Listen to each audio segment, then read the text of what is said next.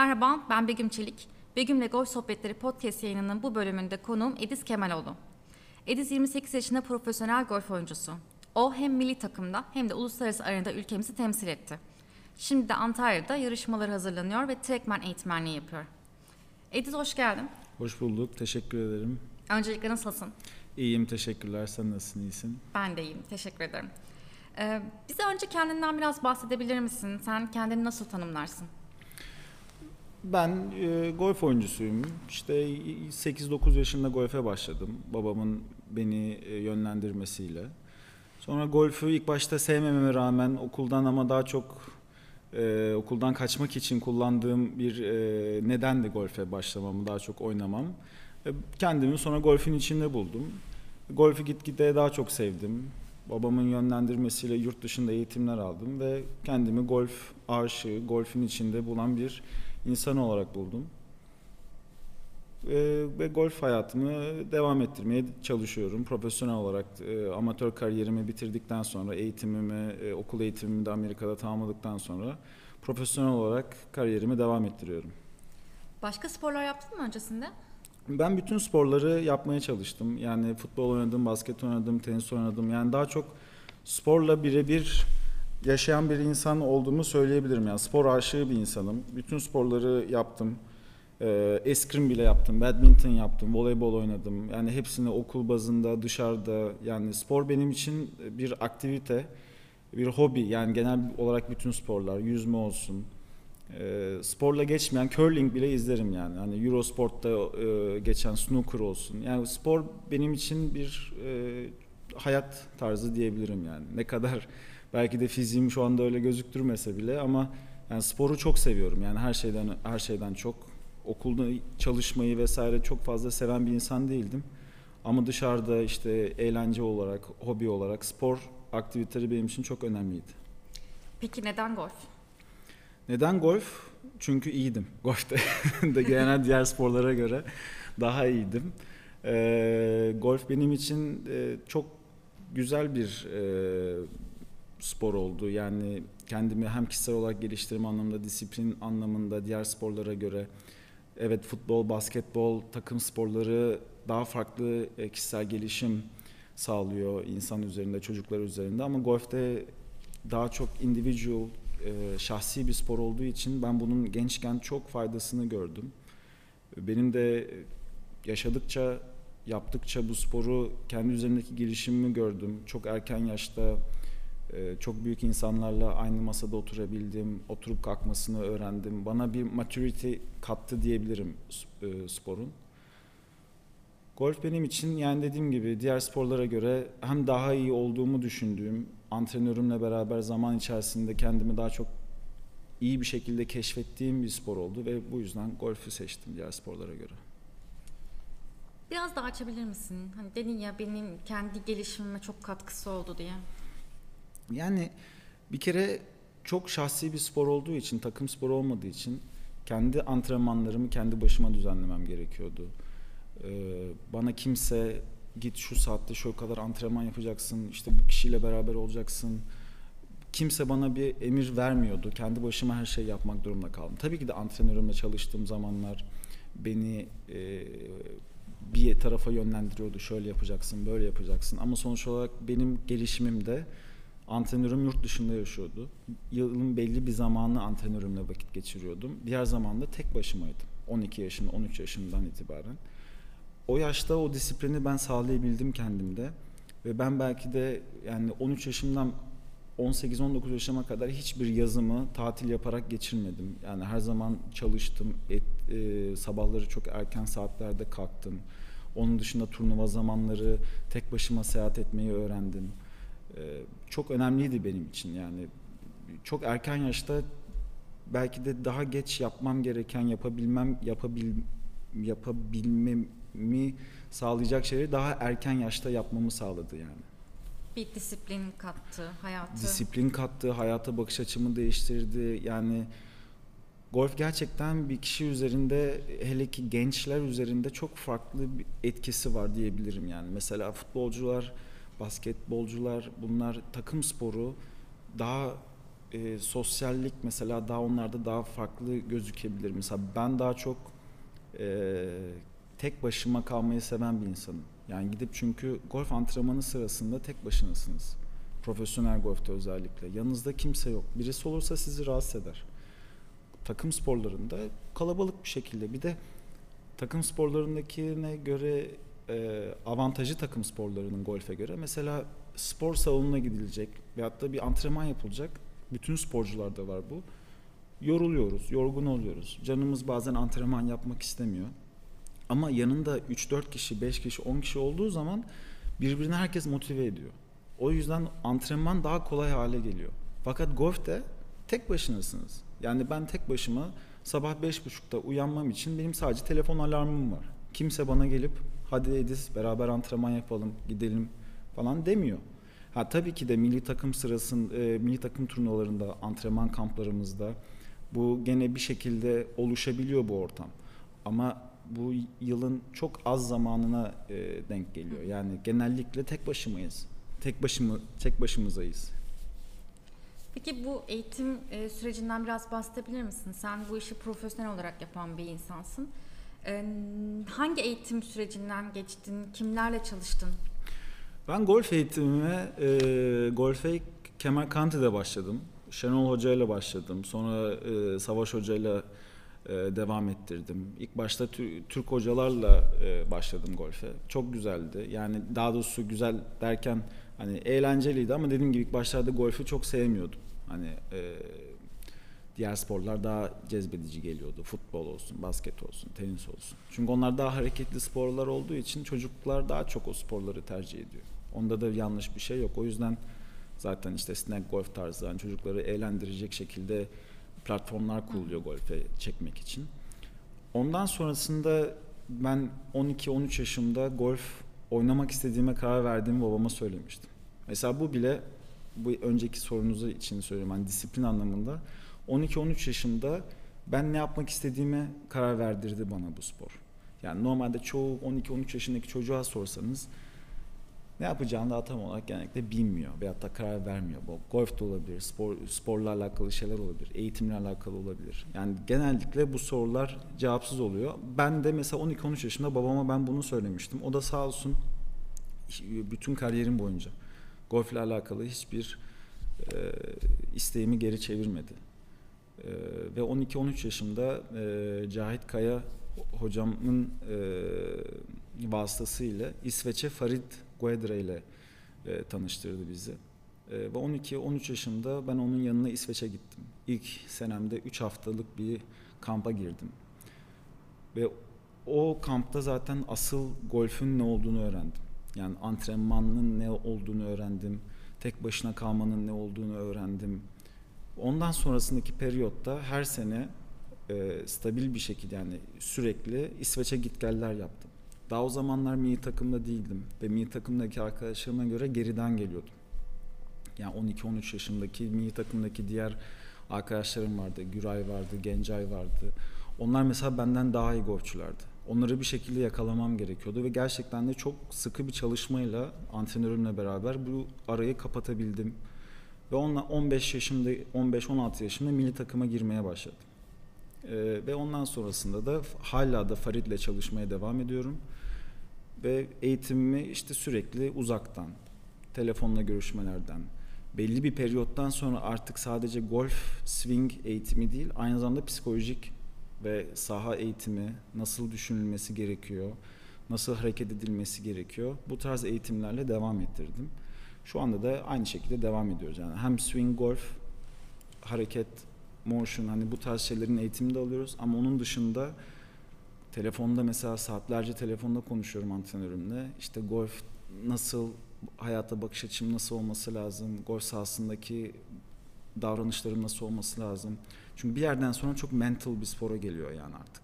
Artık en iyi topa vuran değil, en iyi düşünen iyi bir golfçu olma yolunda ilerliyoruz yani bir belli bir süreden sonra. Çünkü golf topuna çok iyi vuran bir sürü golfçu var. Ama sen o golf sahasına çıktığın zaman kötü bir vuruş yaptığın zaman ki herkes yapıyor bunu. Dünyanın en iyileri yapıyor. O sırada nasıl düşüneceğini bilmiyorsan ne kadar iyi vurursan vur bir yerden sonra devam ettiremiyorsun onu. Bir sonra bir üst seviyeye çıkman için o mental güçlü e, zihinle ihtiyacın oluyor yani. Peki bu aradaki mesafe buna e, şey yapabiliyor musunuz? Uzaktan hani telefon yeterli oluyor mu gerçekten? Ya telefon yeterli oluyor. Yani bir, bir, nevi e, psikolojik eğitim gibi. Yani psikoloğunla telefonda konuşuyormuş gibi oluyor. Yani hayat e, dersi verdiği bir insan gibi oluyor. Yani benim bakış açım tabii ben ona çok güvendiğim için benim için konuşuyorum. Bu herkes için böyle olmak zorunda değil. Ben onu öyle gördüğüm için reseptifim yani kabul ediyorum ben onun söylediklerini. Bazı insanlar reseptif değil. Onu o yüzden yeterli göremeyebilir. Ha bunu tabii zaman daha çok gösterecek yeterli olup olmadığını. Ama ben şu ana kadar ki yaptığım telefondaki görüşmelerde, video video kollarımızda bir şekilde ilerlemeye çalışıyoruz. Ama tabii ki de hiçbir şey yüz yüze görüşmenin, yüz yüze antrenman yapmanın yani onun ötesine geçemez yani. O en iyisi tabii ki de yüz yüze görüşme, yüz yüze antrenman. Ama yapacak bir şey yok. Yani sonuç olarak herkes antrenörüyle 365 gün, yılın 365 gün hepsini geçirmiyor yani. Bir yerden sonra tek başına olmak zorundasın. Çünkü o antrenör her zaman yanında olmayacak. Bir şekilde sen tek başına kaldığın zaman nasıl davranacağını kendin, nasıl düşüneceğini kendin bilmelisin. Yani yoksa sürekli yanında birisinin olmasına alışırsan veyahut da bir antrenörün sürekli yanında olmasına alışırsan sürekli bağımlı olursun. Ve o kişi yanında olmadığı zamanlar çok zorluk çekersin. Peki şunu sormak istiyorum. E, yurt dışında İsveç'e gittim ve orada eğitim aldım dedin. Hı hı. E, neden yurt dışı? Yani Türkiye'de e, hiç eğitmen kalmamış mıydı da tercihin yurt dışı olmuştu? Ya Benim tabii ki de o zamanlar buna bir söz hakkım yoktu. Benim babamın yönlendirmesiyle gittim tabii ki de. Ee, Cahit abi o zamanlar çok iyi bir golf kariyerine, amatör kariyerine erişiyordu. O çok göz önündeydi o zamanlar. Ee, ve babam da Cahit abiyi çok iyi tanıyordu. Ve beni yurt dışına yönlendirmek istedi. E tabii şimdi e, yurt dışında başarılı bir hoca, başarılı bir kariyeri olan bir hocanı hocaya gitmek her zaman e, öyle bir imkanımız da varsa diğer herkes için konuşuyorum yani. Öyle bir imkan varsa bu tabii ki de herkesin tercih edeceği bir şey. Yani çünkü o zamanlara baktığımız zaman yurt içindeki hocalarımız tabii ki de çok değerli. Hepsi birbirinden e, önemli hocalar, çok sevdiğim arkadaşlarım, dostlarım. Ama o zamanki zaman yani o zamanki durumumuza baktığımız zaman daha golf Türkiye'de çok gelişmemişti. Belli bir yani bu her şey bilgiyle alakalı. Yurt dışındaki benim antrenör veyahut da genel olarak antrenörlerin çünkü bilgileri daha fazla. Yani bizim golf tarihimize baktığımız zaman 20 yıllık bir golf tarihimiz var. 20-25 yıllık bir golf tarihimiz var. E şimdi 100 yıllık golf tarihi olan ülkelerdeki bilgiyle 20-25 yıllık olan golf tarihi olan bir ülkeyle bilgi aynı değil. Yani o yüzden yurt dışındaki antrenörler şu anda birazcık daha önde olduklarını düşünüyorum. Yani yurt dışındaki antrenörlerin birazcık daha bizim geliş, gelişmesi gerektiğini düşünüyorum. Genel anlamda yani daha iyi golfçülerin çıkmasını istiyorsak bu bizim için çok önemli. Daha çok yurt dışındaki antrenörlerimizin gerçekten de eğitim alması, kendilerini geliştirmesi lazım diye düşünüyorum. Böyle bir amacımız var ise. Peki profesyonelliğe geçmek istiyorum. Ee, senin profesyonellik hayatın nasıl başladı? Benim profesyonellik hayatım ne zaman başladı? Ben o zamanlar Amerika'da okuyordum. Burs almıştım. Ee, North Carolina'da okudum iki sene. Sonra bir e, yarım yarım sömestr, yani bir sömestr Florida'da bir tane dört yıllık e, Division 1 okulda burs kazanmıştım. Amatör kariyerim fena gitmiyordu, güzel gidiyordu. En iyisi değildi belki de. Yani benden çok daha iyi amatör kariyeri olan Türkiye'de Hamza abi var. Hani Gencer abi, Mustafa abi. Onlar zaten bizim çok önemli golfçülerimizdi zamanında. Ee, onların amatör kariyeri çok farklı bir seviyedeydi. Ben de elimden geleni yapmaya çalıştım. Amerika'da işte üniversitede e, şampiyon olduk. Ondan sonrasında dünya şampiyonasında e, Türk milli takımını temsil ettim. Turkish Airlines Open'da amatör olarak katıldım. E, Challenge Tour'a katıldım. Federasyonun verdiği desteklerle çok önemli turnuvalara katıldım. Bunlar benim için çok büyük artılardı. Amatör golfün bana artık katkı, beni daha çok geliştiremeyeceğini düşündüğüm anda ben profesyonel olmaya karar verdim. O zamanlar işte üniversitede okuyordum. Ve golfün geriye gitmeye gittiğini düşündüm. Çünkü amatör golf belli bir yere kadar sizi götürüyor. Yani profesyonel golf işin sonu. Yani siz o para vererek turnuvalara katılıyorsunuz ve para kazanmak için bu işi yapıyorsunuz. Adı üstünde profesyonellik. Yani bir işi parayla yapmak ve bir işi sadece bir teneke kupa kazanmak arasında çok büyük farklar var. Tabii ki de amatör turnuvalar çok büyük tecrübe kazandırıyor. Çok önemli şeyler getiriyor gençliğimizde. Ama profesyonelliğin getirdiği şeyler çok farklı. Çok çok golf oyuncusu var. Amatör kariyerleri çok parlak olup, çok iyi olup ama profesyonel olunca ortada olmayan. Çünkü amatör dediğim gibi amatör golf ile profesyonel golfün arasında çok büyük bir fark var. Yani o profesyonelliğin içine girdiğiniz zaman o kısa mesafedeki vuruş size yani benim oynadığım turnuvar tabii ileriki seviyelerde PGA Tour'da, European Tour'da işte 300 bin euro, 200 bin euro için pata olunca çok daha farklı bir noktaya geliyor. Yani amatör golfe göre. O yüzden yani profesyonel golfün çok önemli olduğunu düşündüğüm benim için ve daha çok beni geliştireceğini düşündüğüm için ben e, sömestr, üniversitemi yarıda bırakıp profesyonel golfe giriş yapmayı tercih ettim. Hiç pişman oldun mu bundan? Hiç pişman olmadım. Hatta keşke daha erken girseydim dedim biri oldu. Yani dediğim gibi yani sonuç olarak biz profesyonellik için yapıyoruz bu iş. Yani amatörlükten bir sonraki seviye profesyonellik. Gitmek istediğimiz yer burası. Belli bir yerden sonra ne kadar çok amatör kalırsak o kadar bizim bir sonraki gelmek istediğimiz seviyeyi geciktiriyoruz aslında. Ama orayı tabii çok iyi bulmamız lazım. Yani ne gecikmemiz lazım ne de erken profesyonel olmak lazım. Her şeyin dengesi. Tabii her şeyin dengesi. Yani her şeyin dengeli olması lazım. Yurt dışında e, profesyonel ligde nerelerde yarıştın, oynadın? E, profesyonel olarak yurt dışında ben e, ilk yani İspanya'da çok turnuvaya katıldım.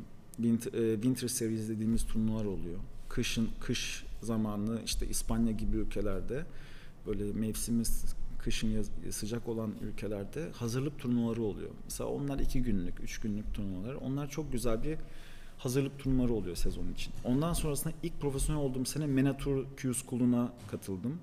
Ve Q School'da e, kartımı aldım ilk sene ve benim için çok güzel bir başarı oldu bu. 2016 senesiydi yanlış hatırlamıyorsam. Ve ve bu benim için e, güzel bir başlangıç oldu profesyonel golf kariyerime. Yurt dışında e, Orta Doğu'da, Dubai'de, e, Fas'ta bu tarz bu orta yani MENA'nın açıklaması Middle Eastern and North African MENA bölgesi region. O bölgelerde golf profesyonel golf turlarına katıldım ve çok güzel experience tecrübe kazandım o turnuvalarda. İlk senemde hatta ilk 40'a ilk 50'ye falan kalmıştım e, Tour Championship oynama hakkı elde etmiştim. Bunlar benim için önemli şeylerdi. Milli takımda da yer aldın. Türk bayrağını taşımak nasıl bir duygu? Ya, Türk bayrağını taşımak çok farklı bir duygu gerçekten de. Her golfçünün, amatör golfçünün bir şekilde yaşaması gerekiyor onu. Yani Dünya Şampiyonası'nda, Avrupa Uluslar Kupası'nda yarıştım. Şahsi olarak e, Avrupa Şampiyonası'nda yarıştım. Gerçekten çok farklı bir şey. Yani e, çok mutlu, çok gururlu hissediyorsunuz kendinizi. Dünya Şampiyonası'nda özellikle o ödül töre şey ödül töreni diyorum affedersiniz. E, açılış töreni vardı. Açılış töreninde her ülkeyi çağırıyorlar. Milli marş çalınıyor. Gerçekten çok farklı bir hissiyat. Yani bir sporcu olarak e, gelenebilecek en önemli noktalardan bir tanesi kendi ülkesini temsil etmek duygusu gerçekten çok güzel bir şey. Ve yurt dışına gittiğiniz zaman sadece golf sahasında değil, golf sahasının dışında da ülkeyi temsil ediyorsunuz. Yani orada bakıyorlar, aa evet Türkler böyle, Türk oyuncuları böyle davranıyor. Bu yüzden çok dikkatli ve çok tertipli davranmaya çalışıyordum. Dediğim gibi yani bunun daha ötesi yoktu. Hele ilk turnuvamı hiç unutamıyorum. Avrupa Uluslar Kupası'ydı milli takımla İspanya'nın güneyinde Soto Grande'deydi. Çok etkilenmiştim. Yani diğer milli sporcuları görmüştüm. Portekizli, Fransızları görmüştüm, İngilizleri görmüştüm. Benim için çok önemli bir milestone yani. O ilk turnuvam özellikle benim hiç aklımdan çıkmayan bir e, zamandı yani. O, o orada yaşadığım duygular gerçekten de evet ben bir yerlere gelmeye başlıyorum dediğim zamandı. Peki bu durum yani e, ülkeyi temsil etmek omuzlara da ekstra bir yüke sebebiyet veriyor mu? Yani veriyor tabii ki de ister istemez e, iyi performans sergilemeniz gerekiyor. Sonuç olarak Türkiye'deki golf camiası çok küçük bir camia. Herkes birbirini tanıyor, ediyor, konuşuyor. E, ve en iyi yani iyi bir sonuç almanız gerekiyor yani. Yoksa e, Türk sporundaki gibi çok acımasız olabiliyoruz yani. Golf camiası da acımasız. O yüzden bunu düşünmemeye çalışıyordum tabii ki de ama bir yük oluyordu yani. Benim kendi ailemden de aileme karşı olan da bir yüküm vardı. Onlara bir şeyleri kanıtlamak isteğim. İşte federasyona iyi olduğumuzu göstermemiz gerekiyordu. Bir sonraki turnuvalara katılabilmemiz için iyi sonuçlar elde etmemiz gerekiyordu. Ama milli bayrağı taşımanın gururundan dolayı yani o yani milli sporcu şeyi bana bir yük vermiyordu. Yani açıkçası yani diğerlerine karşı bir yüküm vardı, bir baskı hissediyordum. Ama onu zaman içerisinde yok etmeye başarabildim. Çünkü dediğim gibi sonuç olarak işin sonunda siz kendiniz için yapıyorsunuz bazı şeyleri. Diğerleri için değil.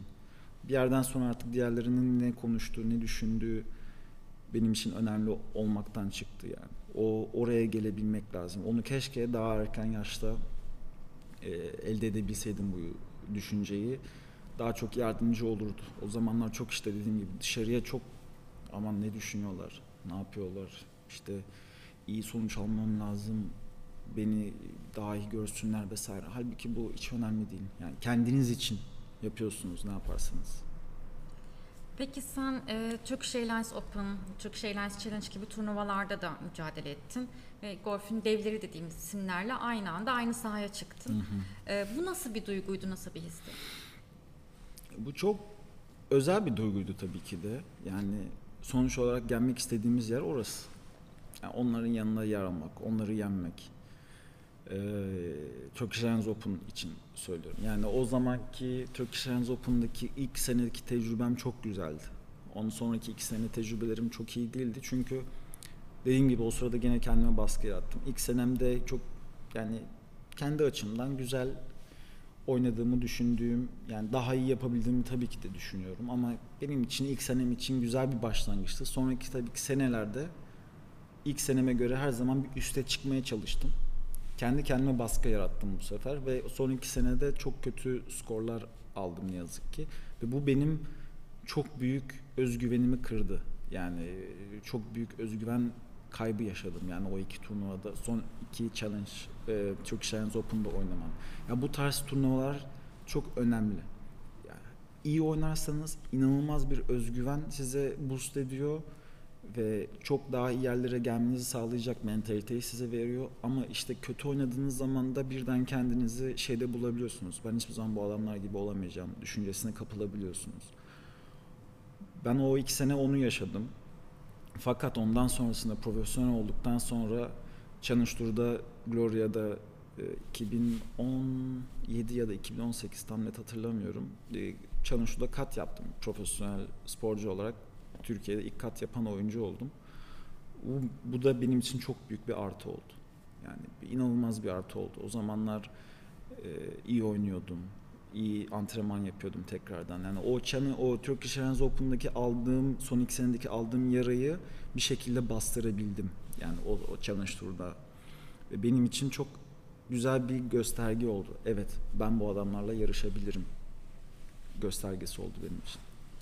İşte işin mental kısmı burada mı devreye giriyor? Hani iyi sonuçtan ve kötü sonuçtan etkilenmemek ve sonrasında e, gittikçe üzerine koyarak ilerleyebilmek sence? Kesinlikle. Ya iyi sonu yani kötü sonuçlardan ders alınır. İyi sonuçlar sizi reva, rehavete sokabilir. Bunu bunu çok dikkat etmek lazım. Yani kötü sonuçlarla aslında kötü oynarken öğreniriz golfte. İyi oynarken hiçbir şey öğrenmeyiz. Çünkü kötü oynarken o şeye bakmamız lazım. Nerede hata yaptık, ne ettik? Ama işte mental kısım orada. Bunu düşünmemiz lazım. Niye kötü oynadım? Neyi daha yapabilirdim? Neyi çalışmam lazım? Ama yok edici olmamak lazım mental olarak. Hani ben bunu yapamayacağım, beceremiyorum, yapamayacağım derse bu yani bizi daha ileriye sokabilecek, daha ileriye götürebilecek bir düşünce olmuyor.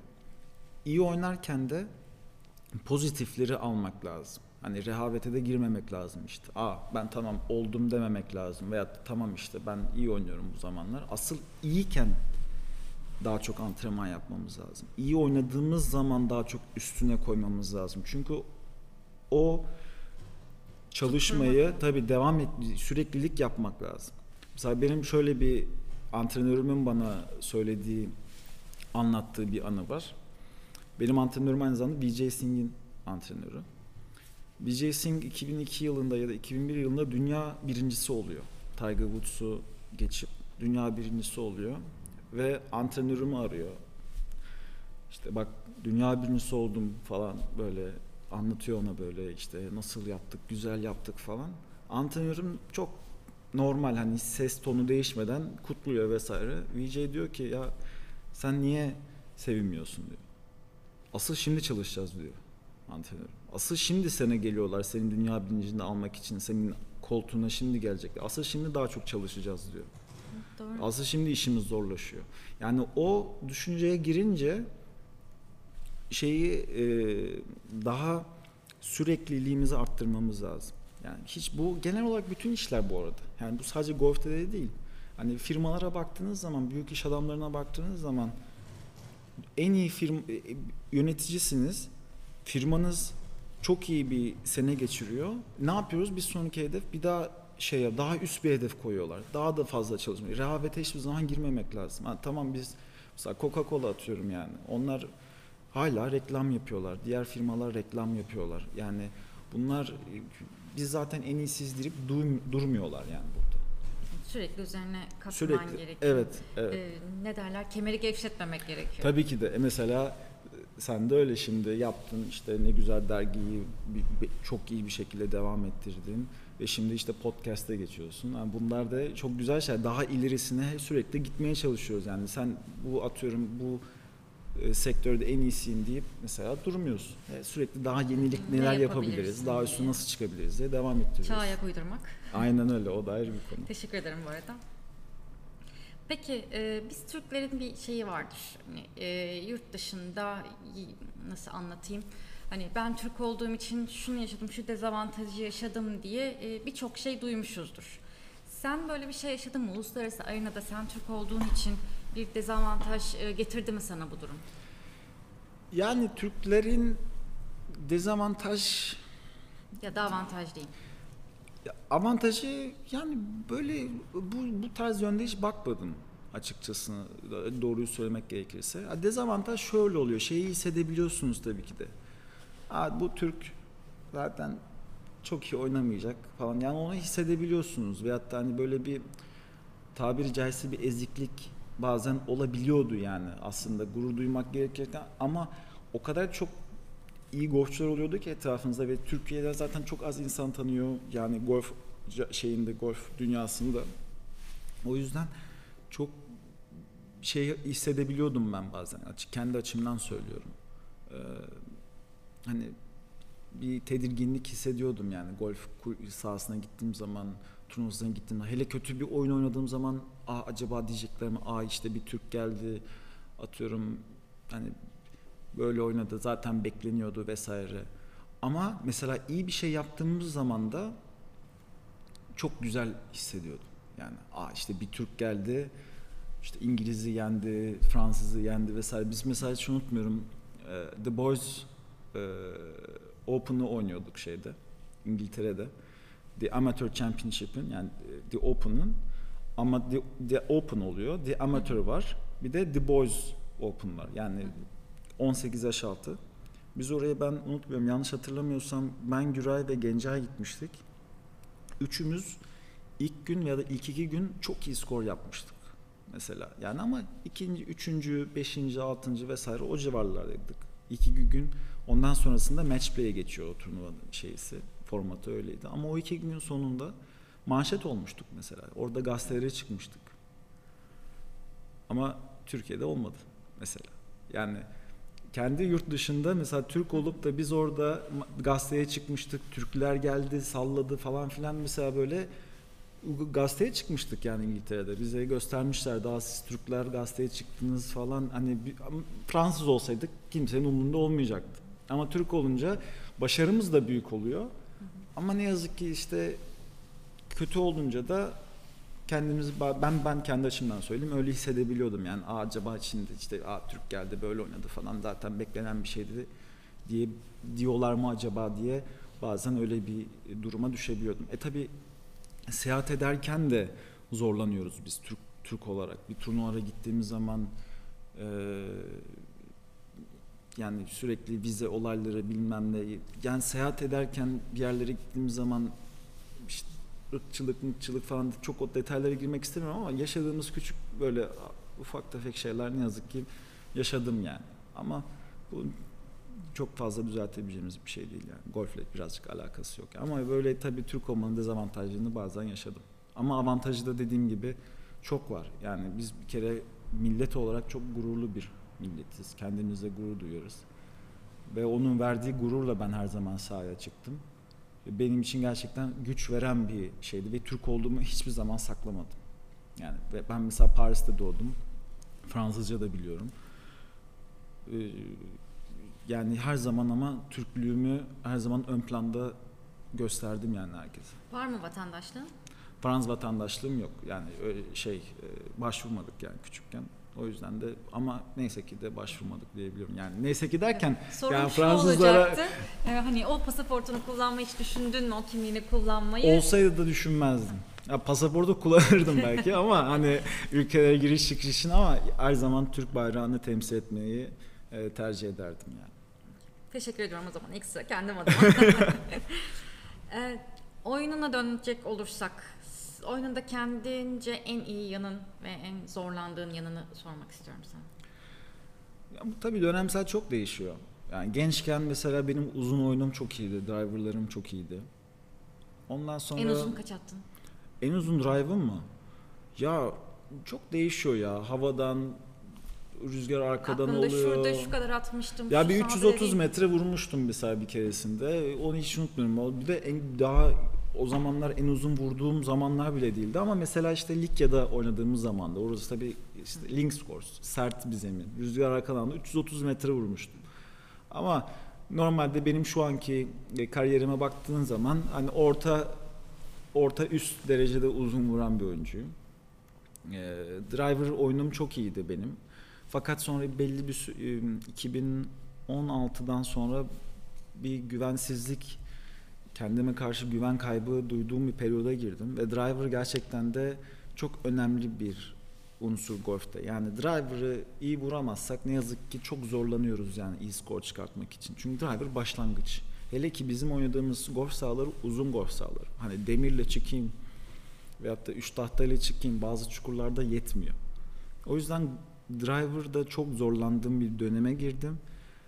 Şimdi son e, çalışmalarımda, şu anki yaptığım çalışmalarda driver'ı düzelttiğimi düşünüyorum. Benim için çok önemliydi çünkü. Yani golf kariyerimi çok etkilemişti. Hatta ben bir kere bir dönem golfü bırakma kararı almıştım.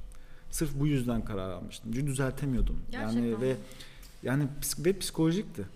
Elim titriyordu. Ve bu Turkish Airlines Open'da işte ikinci senemde ortaya çıktı. Yani o orada elim titremeye çünkü dediğim gibi o baskıyı hissettim.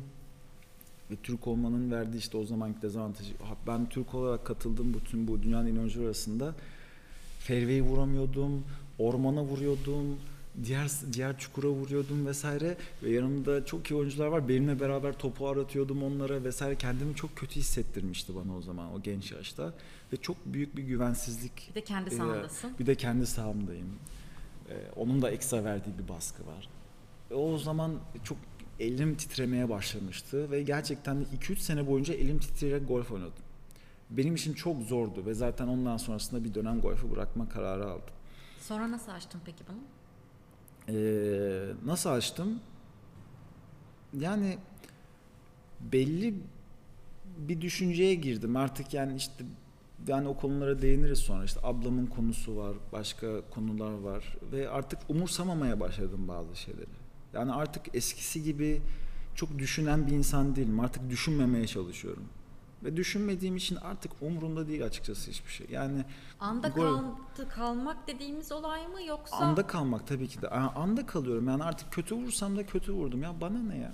Ya adam gelmiş, o geliyor topumu arıyorsa arasın. Bana ne diyorum yani anladın mı? Yani o, o da kötü vuruyor. Ben de gidip onun topunu arıyorum. Veyahut da kötü bir gün geçirdiysem yarın başka bir gün var. Haftaya başka bir gün var. Benim her an antrenörüm... mükemmel olmak zorunda Tabii değiliz. canım. Ve mesela bize diyorlar ki turnuva ka- golf kaç çukur? İşte atıyorum turnuvayı oynadın. Aa, daha 36 çukur var. Yok abi 36 çukur yok. Daha e, 1000 çukur var belki. 2000 çukur, 3000 çukur. Daha belki 10 yıl golf oynayacağım ben. Burada bir gün iki gün kötü oynadın diye ben niye önümdeki 4-5 senenin golfümü etkileyecek kararlara veyahut da düşünce yapısına giriyorum ki? Yani o yüzden düşünce yapım da çok değişti. Yani belki biraz daha umursamaz gözüksem bile aslında dediğiniz gibi anın içinde kalmaya çalışıyorum. Kötü vurursam da kötü vuruyorum. İyi vurursam da eskisi kadar da sevmiyorum.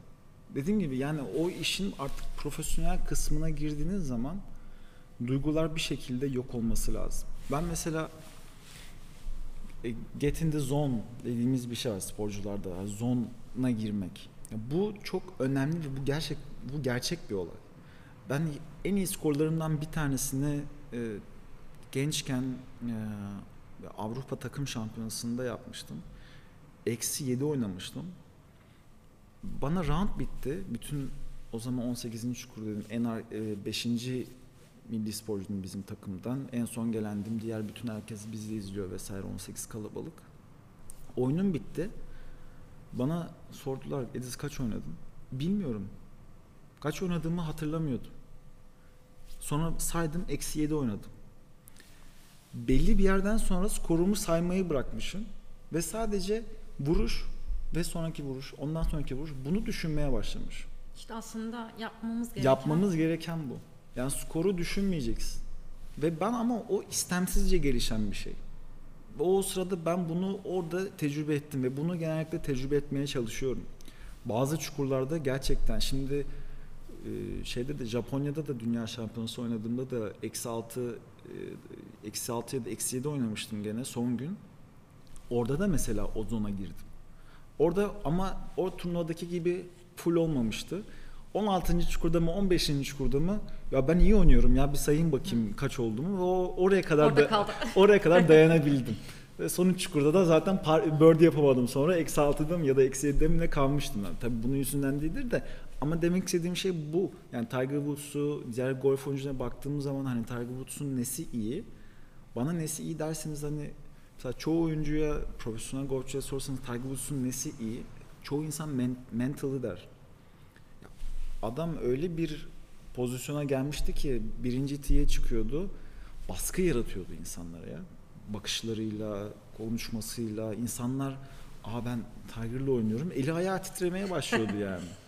Ya bu çok önemli bir şey. Yani mental düşünce golfte çok önemli. Yani çoğu şeyden önemli. O yüzden swing'i kötü olup da çok iyi golf oynayan bir sürü golfçü var. Jim Furyk var, Bubba Watson var. Bunlar çok anortodoks olan, hiç golf kitaplarında olmayan tarzda swingler yapıyorlar. Ama bakıyorsunuz dünyanın en iyi oyuncularından. Peki, e, birkaç sorum daha var sana.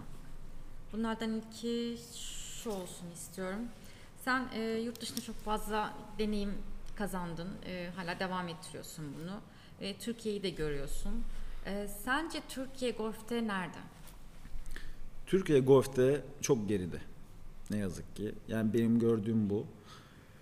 Ee, çünkü şu anda baktığın zaman benim düşüncem bu tabii kimse e, herkesin düşüncesi farklı olabilir. Daha çok çalışmamız gereken, geliştirmemiz gereken konular var.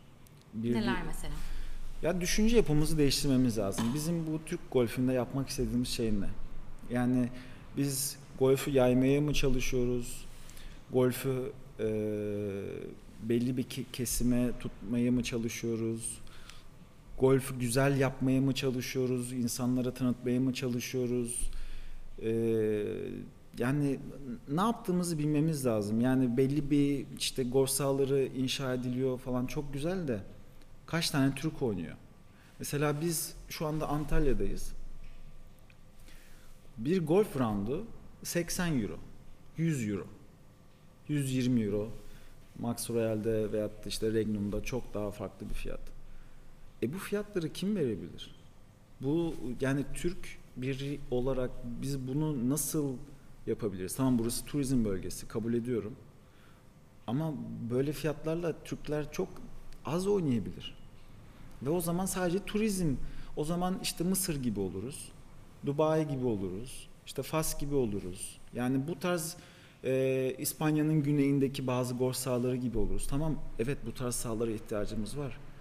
Ama birazcık da biz kendi insanımıza göre golf sahaları yapmamız gerektiğini düşünüyorum. Ve daha çok erişebilir yapmamız gerektiğini düşünüyorum.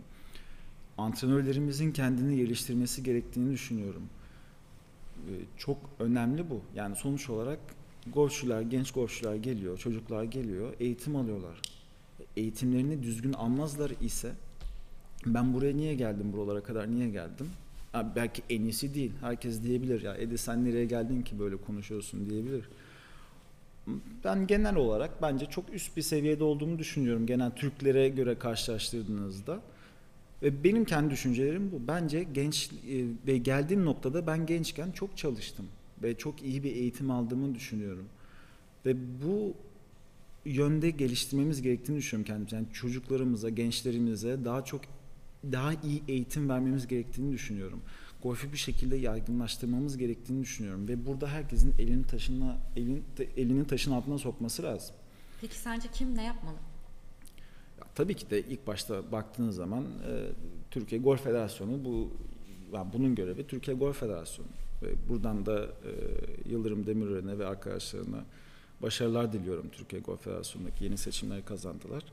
Umarım hani bu e, önümüzdeki dönemlerde bu konular hakkında daha çok çalışmalar yaparlar ve daha iyi bir noktaya getirmeye çalışırlar. Sonuç olarak bu, şu andaki duruma baktığınız zaman bizim zamanımızdaki milli takım şu anda yok. Alttan gelen oyuncu sayısı çok çok az. Ben mesela bana deseniz ki kaç tane milli sporcumuz var? Ya belki de çok takip etmiyorum bilmiyorum ama çok da duymuyorum. Biz zamanımızda çok önemli turnuvalara giderdik. Şu anda çok önemli eskisi kadar önemli turnuvalara oyuncu gönderemiyoruz. Ya seviyemiz yetmiyor ya gittiğimiz zaman zaten başarı gelmeyeceğini mi düşünülüyor tam olarak net bilmiyorum ama ben mesela milli sporcu şu anda çok iyi bilmiyorum. Zamanında belli başlı bir kemik kadromuz vardı ve biz bütün turnuvalara gitmeye çalışıyorduk. Peki o kadro nasıl oluştu? Yani siz nasıl oluştunuz? Hani şimdi diyorsun ya öyle bir kadro yok. Ee, bizim zamanımızda belli isimlerde sayabiliyorsun hatta. Sence o zaman yapılıp da şu an yapılmayan ne var? Ya şu anda ne yapıldığını tam net olarak bilmiyorum. Ee, yani daha bu federasyonun yeni federasyonun yaptığı çalışmaları görmemiz gerekiyor. Bence e, eskilerden ders alıp Son yönetimi Ee, değerlendirmek, değerlendirmeni istesem. ya son yönetimin e, bana göre e, gençler için milli takım için çok fazla bir çalışma yapılmadı. Daha çok şey yapılabilirdi. Ama araya Covid girdi. Ondan öncesinde başka problemler vardı vesaire ama dediğim gibi yani daha çok şey yapılabilirdi yani gençler için. Yani biz 2010 13'ten sonra 14'ten sonra milli sporcular olarak, amatör sporcular olarak bir e, kötü bir döneme girdik diye düşünüyorum. E, çok fazla yatırım yapılmadı gençlere. E, işte Turkish Airlines Open olsun, Challenge turları olsun. Bunlar çok önemli turnuvalar. Evet kabul ediyorum. Ama bu turnuvalar yapılırken de gençlere verdiğimiz önemi e, kaybetmememiz gerekiyordu. Ben böyle düşünüyorum. Yani bu turnuvalar yapılması çok önemli. Türk golfünün Türk Türk ya Antalya'yı bir e, dünya haritasına, golf haritasına soktu. Bu bir gerçek. Ama aynı zamanda bazı şeyleri kaybettik. Ki sence bu hani bunu düşünmenin e, sebebi ne? Yani orada bir fayda var. Antalya evet önem kazandı. Ama diyorsun ki hani biz kaybedildik. Bunu söylemenin nedeni ne tam olarak? Ya mesela bir atıyorum şöyle bir şey olmuştu. Ee, bu benim yani kimse şey kusura bakmasın yani söylemek istiyorum ama yani mesela bizim o Turkish Airlines Open olduğu sene biz e, milli takım olarak bir, bir sürü turnuvamız iptal edildi. Bütçe sıkıntısına girdik. Sebep Ee, ne olarak gösterildi? Hangi yıldı bu?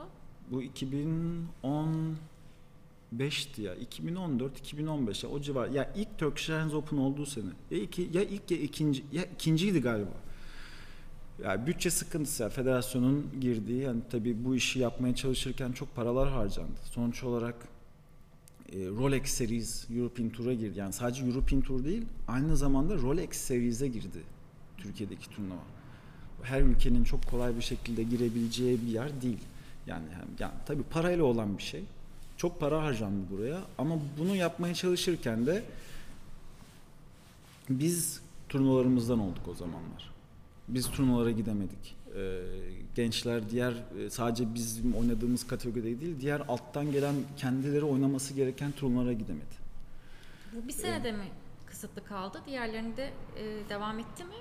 Ondan sonrasında ben zaten profesyonel oldum. Yani ikinci, üçüncü seneden sonra Takip ben zaten sonra- ondan sonrasında takip edemedim. Yani amatör golfte daha çok neler oldu, neler olmadı. Ha Challenge Tour'da e, yani Challenge Tour'a da gönderildik vesaire. Ya iyi şeyler oldu ama kötü şeyler de yani kötü şeyler derken Eksik e, eksik kaldığımız bazı şeyler oldu yani. Biz mesela e, milli turnuvalara, bazı milli turnuvalara, federasyonun göndermesi gerektiği turnuvalara ben kendi cebimden gittiğimi biliyorum.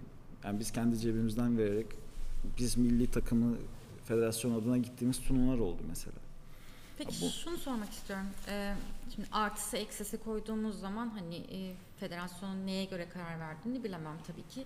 Hani Onu ben de bilemiyorum. Yani ben yargılamak için söylüyorum. O, o sırada o dönemde herkes ne karar verdiyse doğru olduğunu düşündüğü kararı verdi. Sonuç olarak kimsenin ben Türk golfünün e, kötü bir şekilde gitmesini düşündüğünü, e, istemi, istediğini düşündüğünü zannetmiyorum. Senin elinde bu karar olsaydı e, önünde iki seçenek. Bir eğer bu bir seçenekse tabii ki işte bu turnuva serisine girip bu işi devam ettirmek mi?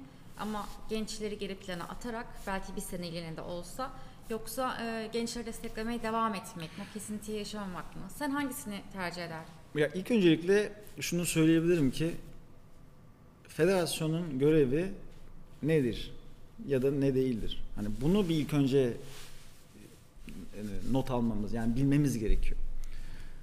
Dünyanın yani benim bildiğim kadarıyla çok az belki de hiçbir yerinde bir federasyon European Tour turnuvası organize etmiyor. Tamam bakanlıktan bir yani bir teşvik var, yapılsın istekler ves- vesaire falan filan okey olabilir. Ama gençleri o zaman arka plana atılmaması lazım. Ben normalde yani federasyon başkanı olsam ki ileride belki de inşallah belli olmaz olabiliriz olam, olamayabilirim ben o zamanki isteklerime bağlı. Ee, benim görevim golfün erişilebilir olduğunu on, ya on, durmaya çalışmak ve gençlere önem vermek. Yani benim amacım federasyon olarak Türk golfünü geliştirmek.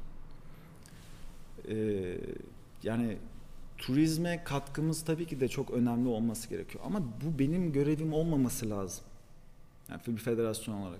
Tabii ki de golf otelleri, golf sahaları, insanların gelmesi, turizmin artması vesaire bunlar çok önemli şeyler. Ama bence bir federasyonun görevi bu olmaması lazım. Yani e, gençlerimize, milli takıma, e, sporcularımızı geliştirmemiz lazım. Yani bizim amacımız bir European Tour'a, Challenge Tour'a oyuncu sokmak ise bu yönde çalışmalarımız olması lazım.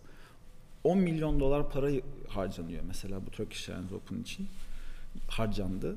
10 milyon dolarla mesela 5 yıllık 10 yıllık planlar yapılıp ve geleceği düşünüp yatırımlar yapılabilirdi bence.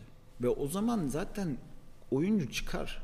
Oyuncu çıkmaz diye bir şey yok yani. Oyuncu çıkar. Yani biz millet olarak çok yetenekli bir milletiz. Yani kafayı koyduğumuz zaman, imkanlarımız olduğu zaman başaramayacağımız bir şey yok. Yani o yüzden bu bu paraların çok iyi değerlendirmesi lazım. Yurt dışına yabancı golfçülere harcanması gerekmiyor yani bu paraların. Biz oraya bir tane bir sporcu çıkartalım, iki tane, üç tane sporcu çıkartalım. Bizim amacımız bu olması gerekiyor. Alttan gelen, mesela ben çok şanslıyım. Benim babam yardımcı oldu bana, oluyor da. Ben kendi başıma idame ettirebildim. Ama benim bu yolda çoğu arkadaşım bırakmak durumunda kaldı golf. Şu anda ya antrenör oldular ya golfle hiçbir alakaları yok ve yarı yolda bırakıldı bazıları. Ben mesela Yarı yolda bırakıldı derken? ya ya bazı yani yarı yolda bırakıldı derken e, e, artık yani golf oynamıyorlar yani. Golfle hiçbir alakaları yok. Sponsorluk destekleri vardı. O mu çekildi? Yok hayır O yani bir şey. fe- federasyon tarafından yani e, eğitildi, bir yerlere getirildi. Ondan sonra e, devam ettirilmedi destekler. E atıyorum mesela e, bu Paralympics galiba değil mi? Hani bu engellilerin Engel, evet.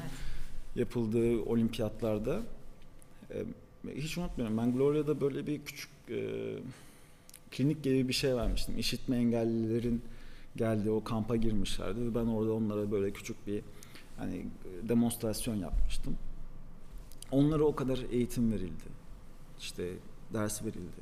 Golf şeysi verildi. Paralympics'ler oynandı. Bitti. O çocuklar ne oldu? Niye o kadar eğitim verildi? Niye o kadar o çocuklara umut verildi? O kadar golf eğitimi verildi. O kadar para harcandı. Ve şimdi ne yapıyorlar onlar? Benim hiçbir bilgim yok. Bu konuda ne çalışma yapıldı bir bilgim yok. Bunu bilmemek belki de evet kısmi benim suçum. Belki de bir şeyler yapılıyor. Ama bunu da göstermek zorundasınız diye düşünüyorum. Ya ben bunu Yarım kaldığını düşünüyorum. yarım kaldığını düşünüyorum. Yarım kaldığını düşünüyorum mesela. O çocuklara ne oldu? O kadar o çocuğa emek verildi, bir umut verildi. Dersler verildi. Onlar doğudan, bazıları doğudan geldi, bazıları işte Karadeniz bölgesinden geldi vesaire falan. Bir sürü yerlerden gelindi, kamplara girdiler vesaire. O, o, o turnuvalar oynandı ve o çocuklar yok oldu şu anda. Görmedim yani bir daha çocukları. Hani bir şeyi, bir projeyi yapıyorsak sonuna kadar devam et ya da hiç yapılmasın. Ben buna da okeyim. Ama yarım kalmaması lazım projelerin. Ve uzun dönemli projelerin yapılması lazım. Yani ben 4 yıllık hani atıyorum örnek veriyorum ben bir federasyon başkanı olsam 4 yıl sonra değişecek olsam belki de benim amacım 4 yıl kalmak. Ben benden sonraki gelecek olan insanların da işini kolaylaştırmam lazım. Benim başkanlığım sadece 4 sene değil. Benim başkanlığım benim o 4 sene boyunca yaptığım e, aksiyonlar, verdiğim kararlar, verdiğim projeler benden sonrasında da devam edecek ve Türk golfünü yönlendirecek olan şeyler. O yüzden insan yani bu tarz kararları veren insanların geleceğe yönelik çok düşünce yani geleceği yön- düşünmesi lazım. Benden sonra ne olacak? Daha Türk büyük golfü. master planlar. Tabii canım. Yani dediğim gibi yani Türk golfü için bana göre 10 yıllık bir plan yapılması lazım. Gençlerimiz için, antrenörlerimiz için bir planlar yapılması lazım. Bunlar ne planları? Ben bunu söyleyemem. Örnek verebilirim. Yani İsveç'te neler yapılıyor, Fransa'da neler yapılıyor. Gene çok fazla örne- yani örnek verebilirim derken bu ülkelerde bir planlar var. Bir nasıl ilerliyor burada onları görmek lazım. Ama bu benim görevim değil. Yani söyleyemem nasıl ne yapılması gerektiğini bilmiyorum tam olarak. Çünkü benim işim bu değil. Ama işi olan yani bunu görev edinmiş olan insanların bence bunları görüp örnek alıp sonuç olarak başarılı bir sistem var bazı ülkelerde. İşte atıyorum İsveç'in sistemi başarılı. 9 milyonluk bir nüfusa bakıyorsunuz.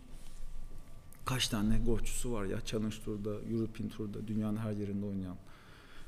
Yani çok küçük bir nüfusu var ya. Yani 9 milyondan ve kaç kişi golf oynuyor? 4 milyon kişi golf oynuyor. Go- 4 milyon e, şeysi Neredeyse var. yarısı oynuyor. Neredeyse yarısı oynuyor. Yanlış yanlış mı söylüyorum acaba ya?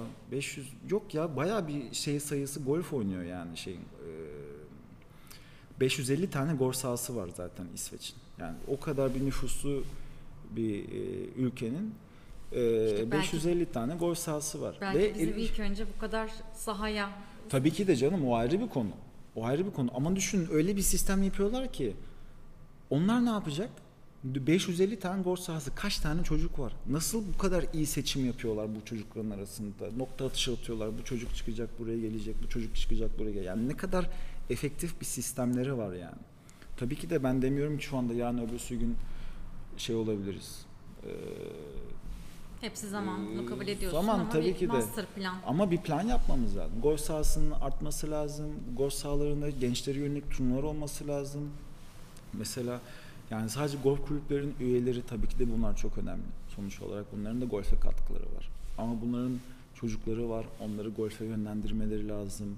Golf kulüplerinin E, Bizim e, çok çok iyi golfçülerimiz kedilikten gelme. Zamanında kedilerin e, mesela benim o konulara değiniriz belki. Benim babamın ablamın adına yaptığı turnuva mesela çok güzel bir örnek. Yapmak istediği şey aslında babam yoksa üyelikten gelme hani normal bir golf kulübü üyesi şey yapabilirdi. Evet, konuyu buraya getirmişken bence söyleyelim. Hı hı. Ee, kaç sene oldu? Bu senin dördüncüsü yanlış hatırlamıyorsam. Ee, Yeliz Kemaloğlu adına bir anma turnuvası adı altında bir organizasyon var ve burada e, Türkiye'deki e, kedilerin katıldığı bir turnuva oluyor ve aynı zamanda bu sene katıldı değil mi? Profesyonel oyuncular. Evet, her sene profesyonel oyuncular da katıldı. İlk sene galiba sadece kedilerdi. Bu sene bir pro am sistemine geçildi. Bir pro, iki amatör, bir tane kedi. Ee, babamı da yani kutluyorum yani çok güzel bir organizasyon yapıyor her sene. Ee, destek Güzel bir oluyor. destek veriyor. Güzel bir destek veriyor. Yani ve bunun bence Aslında çoğu- beraber veriyorsunuz. Ya ben Aynı birazcık daha arka planda kalıyorum. Yani babam asıl her şeyi yapmaya çalışan e, bir şeyleri onun fikriydi yani golf turnuvasını yapmak ilk başta. E, Bu büyük bir destek. ya çok büyük bir destek ve yani o kedilere verdiği önem e, çok önemli. Bu insanların bunu görmesi lazım. Ya bazı ülkelerde kedi şampiyonları oluyor mesela kulüplerde. Bizde yok öyle bir şey. Kedi şampiyonası veyahut da yani kulübün önemli yani kedi kedi çok önemli bir şeydir. Yani golfte kediler çok önemli bir yerde dururlar. Bizde birazcık daha hani farklı bakılıyor yani. Ama ke- kediler aslında hoca o bizde hocalıktan gelme bir sürü yani hoca olup da kedilikten gelme bir sürü hocamız var. Çünkü golfü asıl onlar biliyor. Onlar öğreniyorlar. Golfü görüyorlar, ne olduğunu görüyorlar. Kaç tane günde kaç tane insana kedilik yapıyorlar. Bir sürü insanı tanıyorlar. Yani golfün içinden gelen insanlar bunlar. Ve belki de ileride e, çok iyi golfçü olabilecek kapasitede e, oyuncular var aralarında kedilerin içinde. Çok ünlü unuttum Arjantinli bir tane e, golfçü vardı. PGA Tour'da oynadı. Kedilikten gelme mesela o. Yani o yüzden babamın verdiği destek burada çok önemli ve çoğu insanın buna e, bence örnek olması lazım. Yani e, örnek alması lazım. Kedilere verdiği destek yani çünkü babam da bilebilirdi şey yapmayı. Sadece üyelere veriyoruz turnuvayı. Oynasınlarken. Ha, babam da kendinden bir destek vermek istedi. Çünkü biz babamla da bu konuları konuştuk. Hani Türk golfünde işte kedilere verilen destek nasıldır, ne değildir. Ne Ee, yapabiliriz, ne değil mi? yapabiliriz, edebiliriz. E, turnuvalara kedilere gidiyor, tişört veriyor, işte golf sopaları vesaire falan filan bazı imkanı olmayan oyuncular oluyor aralarında ve onlara bir yarışma imkanı veriyor. Ve böyle bir turnuvada bunu yapabilmek çok güzel bir bir şey. Yani hem ablamın adına e, olması ve böyle bir konuda öncü olması babamın gerçekten gurur verici bir şey. E, umarım daha da devamı gelecek. E, mesela bizim başka planlarımız var ileriki dönemlerde. Belki turnuvayı birazcık daha büyütüp 2-3 günlük turnuva yapıp vesaire e, daha çok insanı çağırabileceğimiz e, başka bir projelere girebileceğimiz e, konuları Bunlar da konuşuyoruz. kesinleştiğinde daha detaylı bilgi almak isterim. Tabii ki de tabii ki de. Ee, oyunculuğuna dönmek istiyorum. Hı hı. Profesyonel oyunculuğa. Ee, senin buradan profesyonel golf oyuncusu olmak isteyen gençlere, çocuklara e, söylemek istediğin önerilerin neler olabilir? Çok çalışmak. Yani direkt olarak söyleyeyim. Yani çok çalışmak. Yani e, ne yaparsa yapsınlar çok çalışmaları lazım açıkçası. Ama yani profesyonel golfçu olmak kolay bir iş değil. Dediğim gibi sürekli tek başınıza kalıyorsunuz. Yalnız kalıyorsunuz. Hele bir, bir seviyeye geldiğiniz zaman tek başınıza seyahat ediyorsunuz. Tek başınıza problemleri çözmeniz lazım. Bir, bir yabancı bir ülkeye gidiyorsunuz. Yabancı dil bilmeniz lazım. Sadece golfle alakası yok. Ee, umudunu kırmamaları lazım. Umutlarını kırmamaları lazım. Yani bu işe baş koymuşlarsa sonuna kadar gitmeleri lazım. Ama çalışmak da oluyor bu iş. Yani ben sabahları 5 beş, buçukta kalkıyordum. 13-14 yaşımda. Benim ellerim yara olurdu antrenman yapmaktan. Hani e, affedersiniz ne, derler hani kendine acı verip de keyif zevk alanlar vardır ya Sa- sadizm e, mazoşist mi oluyor sadizm tam net bilmiyorum ben birazcık öyleydim yani hani böyle elim böyle yara olduğu zaman yani golften mesela böyle nasırlarım oluyordu kanıyordu vesaire Yani kendimi böyle Rocky filminde falan hissediyordum. İyi oldu. Tabii yani kendimi o Rocky Balboa'nın filmlerindeki gibi hissediyordum. Yani bir şeyler yapmaya başlıyorum herhalde. E çünkü yani ceza, ya yukarıdaki cezalandırmaz seni. Yani çok çalışanı hiçbir zaman cezalandırmaz. Yani ne yaparsan yap çok çalış. Ve her zaman ödülünü karşılığını alırsın yani. Ama sen yatarsan bir şey yapmazsan sadece düşünmekle olmuyor, hayal kurmakla olmuyor. Evet hayal kurmak çok güzel bir şey. Ama bunun arkasında çalışmak gerekiyor. Ve doğru çalışmak lazım. Araştırmak lazım. Ben mesela evet antrenörüm var. Ama ben mesela diğer antrenörlerle de konuşabiliyorum. Sohbet ediyorum. Bilgilerini almaya çalışıyorum. Ne düşünüyorlar, ne değildir. Mesela benim antrenörümün çok takdir ettiğim bir yanı var. Hiç egosu yok. Ve herkesle e, kendisinin bana söylediği bir şey. Görüyorsan birisinin doğru yaptığı bir şey görüyorsan git konuş onunla. Öğrenmeye çalış. Ne yapıyor, ne ediyor. Benim söylediklerim illaki textbook değil sana diyor. Yani ben her şeyi sana ben elimden geldiği kadar sana bilgiyi veriyorum ama benim bilmediğim bir sürü şey var diyor. Çünkü ben bunu öğrendim diyor. Başkası başka bir şey öğrendi diyor. Başkası oradan başka bir şey öğrendi diyor. Oradan ben ben sana malzemeyi veririm. Çorbayı sen yapacaksın diyor. Yani oradan ben oradan onun malzemesini almaya çalışıyorum. Oradan onun malzemesini almaya çalışıyorum. Ee, ve kendi yolunu kendi kendi yolumu çizmeye çalışıyorum. Ha tabii takip ettiğim bir çizgi var. Yani takip ettiğim bir bilgi sürekli aldığım bir yer var. Ama diğer taraflara da çok önem vermeye çalışıyorum. Diğer tarafların verdiği eğitimler açık olmak lazım. Yani öğrenmeye aç olacaksın. Araştırma yapmaya aç olacaksın. Ve bu işi seviyorsan gerçekten de sonuna kadar gideceksin. Yani bu umudunu kırmamak lazım. Yani ben benim umudumun kırıldığı oldu ne yazık ki. İşte iki kere golfü bıraktım. Ondan sonra zor dönemlerden geçtim. Ee, ve sonunda tekrardan ben yok golf benim bu hayatım, ben hayatım boyunca golf yaptım ve ben pes etmeyeceğim, vazgeçmeyeceğim. Ben hayatımda keşke demek istemiyorum. Yani ben 40 yaşıma, 50 yaşıma geldiği zaman keşke ben bırakmasaydım demek istemiyorum. Sonuna kadar gideyim, nereye gidersem gideyim yeter ki. O yüzden ben de işte yeni projelerle, şimdi bu Covid döneminde e, hiç golf oynayamadım. Yani golfe geri döndüm. Menatur Q School'una girdim. Tekrardan kazandım kartımı. Ondan sonra Covid girdi. Tekrardan bir e, motivasyon bozukluğu oldu. Yani golfe geri gelmişim, çalışmışım 4-5 ay tekrar kartımı kazanmışım ama ondan sonra tekrar Covid girdi araya. O dönemde sağlık problemlerimiz oldu. Ben ameliyat oldum dizimden vesaire. Tekrardan bir teşekkür ederim. Tekrardan bir golfü yani tamam artık herhalde olmayacakmış yani. Benim kaderimde değil belki de noktasına geldim bir ara. Ama ondan sonra böyle e, çok enteresan böyle beynimde bir klik gibi bir şey oldu böyle. Hani böyle bir lamba yandı. Ve e, geri dönme kararı aldım. İşte yaklaşık 2-3 aydır e, sıkı sıkı antrenmanlarımı devam ettiriyorum. Şu an Antalya'dasın, Antalya'ya taşındın. Evet, Aslında golfün artık, merkezine taşındın. Evet evet, şimdi artık Antalya'ya taşındım. İstanbul'dan Antalya'ya taşındım. Ee, ve çok iyi bir karar verdiğimi düşünüyorum. Keşke daha önce verdiğim bir karar olsaydı. Ee, buradaki golf sahalarında antrenman yapabilmek e, çok büyük bir şans. Buradaki golf ortamını, bu havayı, gerçi şu anda hava çok kötü ama yani genel olarak da güzel bir hava var burada. Ee, burası çok güzel bir şans mesela Türk golfçüleri için. Yani bir Türk golfü için de. Yani buradaki antrenmanlar, buradaki golf sahaları e, çok beni farklı bir noktaya getireceğine inanıyorum. Peki nasıl buradaki programın şu an neler yapıyorsun, neye hazırlanıyorsun? Şu anda mesela bu e, önümüzdeki e, yayınlandığında gerçi oynanmış olacak ama tane önümde bir tane golf turnuvası var. Umarım güzel geçer. Gloria Pro M'i oynayacağım. Ondan sonrasında Clutch Pro Tour'un organize ettiği e, bir tane Winter Series, üç tane turnuva var üst üste. E, yurt dışından sporcular geliyor. Onlarla beraber yarışacağım. E, benim şu anki Aralık ayı planım bu. Ondan sonrasında belki bir İspanya'da e, gene işte kış sezonu turnuvaları dediğimiz, kış serisi dediğimiz, winter series hazırlık turnuvaları var.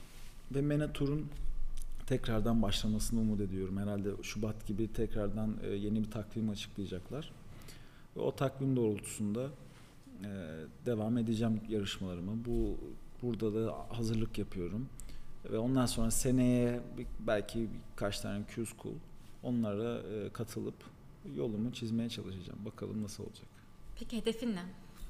Ana hedefin gitmek istediğin nokta. Gidebildiğim yere kadar gitmek diyelim. Hedefim e, bende kalsın. Ama yani gidebildiğim yere kadar gitmek istiyorum. Yani e, bu işin peşini bırakmayacağım. Ee, bu benim kendimden daha büyük bir şeyi kovalıyorum. Yani benim amacım sadece kişisel gelişim değil, aynı zamanda e, zaten anlaşılıyordur birazcık başka bir şeylere yönelmeye çalışıyorum. Yani Türk golfünü geliştirmek istiyorum, Türk sporunu geliştirmeye çalışmak istiyorum, e, involve olmak istiyorum bazı e, bazı konulara. E, tabii ki bu en greater hani e, goal yani en en büyük hedefim de kendi kişisel hedefimde gidebildiğim yere kadar gitmek istiyorum. Yani bu golfü yapabildiğim kadar, oynayabildiğim kadar oynamak istiyorum. Kendimi huzurlu hissettiğim, mutlu hissettiğim bir yer yani. Golf sahasına çıkmak, tek başına golf oynamak aslında en büyük hedefim bu. Yani golf sahasına çıkıp oynamak o huzur verici bir şey bence. Hele tek başına oynamak kadar huzur verici bir şey yok. Zaten tek başına oynamayı yapabilirsem kendimi işte orada golf sahasında turnuvalara gittiğim zaman kendimi o zona o zaman sokabilirim. Bu benim için e, çok önemli bir şey. Peki, ee, ana sorum. Senin için golf nedir, ne değildir? Benim için golf yani bir hayat tarzı tabii ki de biraz klişe olacak. Ama gerçekten golfün e, çok önemli e, bir yerde olduğunu düşünüyorum. Yani benim hayatımda. Golf sayesinde ver, golfün bana verdiği e, disiplin, bana verdiği e, katkılarından dolayı ben hayatımı ona göre çizdim. Kararlarımı verdim. insanlarla olan görüşmelerimi, birebir olan ilişkilerim hep buna göre yöneldi. Yani benim için bir hayat tarzı. Yani sonuç olarak profesyonel golfçu olduğum zaman dediğim gibi belli bir şehirde yaşamıyorum aslında. Yani Antalya'da yaşıyorum diyorum ama işte seyahatlerim vesaire her şeyim var. İstanbul'dayken de öyleydi. Yani benim için her şeydi golf. Yani e, golfü bırakınca da zaten o yüzden birazcık dağıldım. Çünkü ne yapacağımı tam olarak bilmiyordum. Yani bir şekilde hayat tarzımdan vazgeçtim yani. O yüzden golf benim için e, bir düşünce tarzı, bir e, hayatı uygulama şekli. Yani golfün bana verdiği disiplinle genel olarak bütün hayattaki kararlarımı etkiliyor yani. Bu sayede çok şeyleri başarabildim. Çok önemli kararlar verebildim. Olgunluk mertebesine ulaştım. Dediğim gibi yani ve çoğu insan için de öyle olduğunu düşünüyorum. Yani golfün içine girdiğimiz zaman yani golf sadece golf değil, golf sadece bir spor olarak kalmıyor. Çok farklı bir noktaya geliyor. Mesela birisi golf sahasına çıktığın zaman onu da görebiliyorsunuz. Bir insanın karakteri belli oluyor golf sahasında. Atıyorum yaptığı swingle nasıl bir insan olduğunu anlayabiliyorsunuz. Ee, konuşma şeklinde, golf sahasındaki e, davranış şeklinde nasıl bir insan olduğunu görebiliyorsunuz. Yani çünkü golf içindeki insanı çıkartıyor aslında bir nevi benim gözümde. Yani mesela atıyorum golf sahasında hile yapan bir insan varsa ben bu kişiyle dışarıda ne kadar güvenebilirsin? Ne kadar güvenebilirim? Mesela atıyorum çok ekstrem bir örnek verdim. Ama golf sahasında hile yapıyorsa bu dışarıda yani çok çok iyi bir şey değil yani. Yani benim için bir gösterge olarak ve hatta işte çok çok sinirleniyorsa mesela bir vuruşta kötü bir kötü bir vuruşta çok sinirleniyorsa demek ki bu dışarıdaki hayatında da yani çok sinirli bir insan olduğunu gösteriyor. Sakin davranıyorsa genel olarak hayatında sakin bir insan. Swing'in hızına göre bile insanın karakterini çözebiliyorsun. Yani çok hızlı bir swingse mesela atıyorum genellikle çok hareketli bir insan olduğunu tahmin edebilirsiniz mesela. Yani dediğim gibi golf sadece golf olarak kalmıyor. Gerçekten de bir insanı okuyabiliyorsunuz ve bir hayat tarzı gibi gözüküyor aslında. Golf ne değildir'e gelmek gerekirse açıkçası bu soruya tam olarak nasıl cevap vereceğimi bilmiyorum ama e, yani ne değildir? Bence sadece bir hobi değil ya.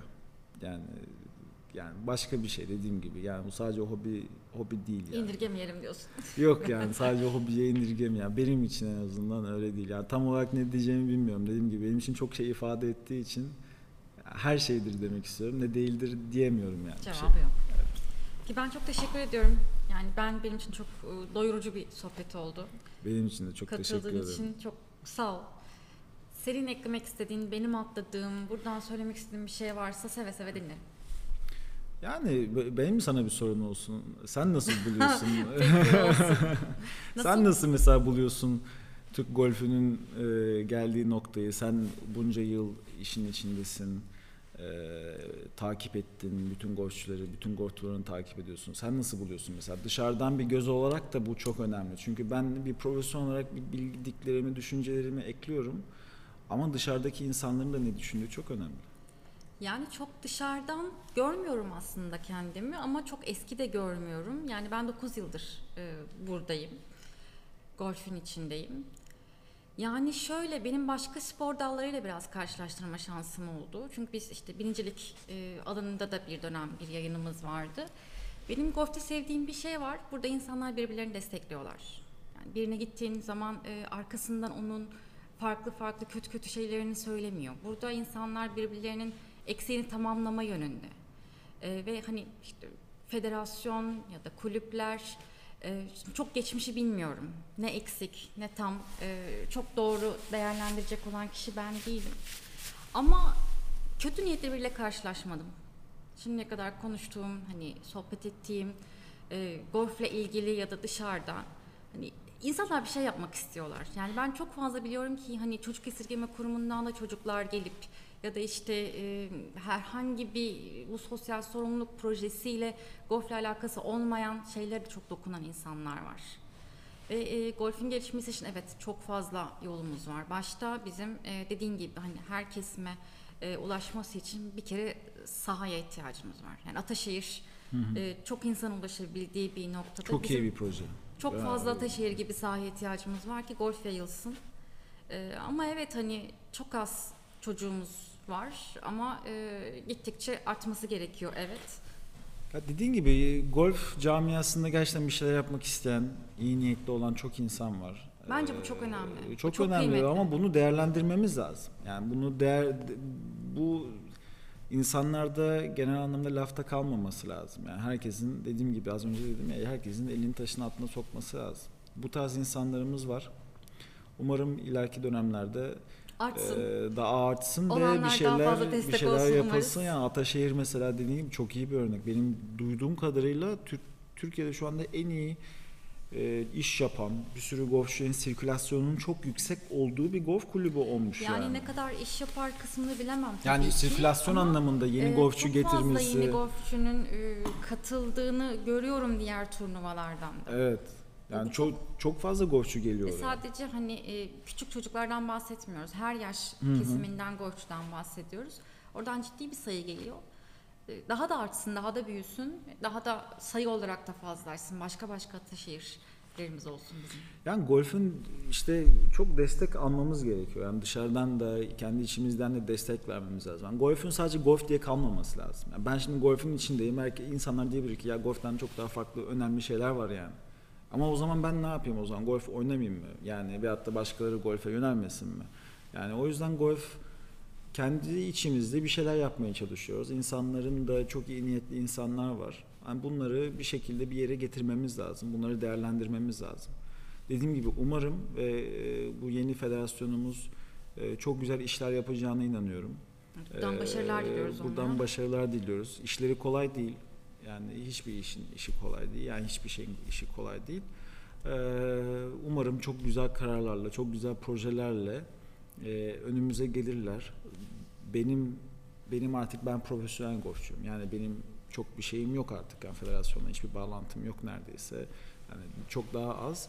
Ama bizim gençlerimize yönelik projeler, daha iyi sporcuların çıkması için, daha iyi golfçülerimizin çıkması için bir projeler umarım gerçekleşir e, ve tekrardan yurt dışına bu işte bana sorduğunuz Türk bayrağını taşıma dünya şampiyonası olsun işte Avrupa şampiyonu olsun tekrardan buralara sporcu göndeririz ve e, benim gibi e, profesyonel golfçular ve sadece hayatını eğitmenlikle değil turnuvalarla kazanmaya çalışan insanlarımız olur. Sporcularımız olur. İnşallah. Çok teşekkür ederim. Ben teşekkür ederim. Çok sağ olun.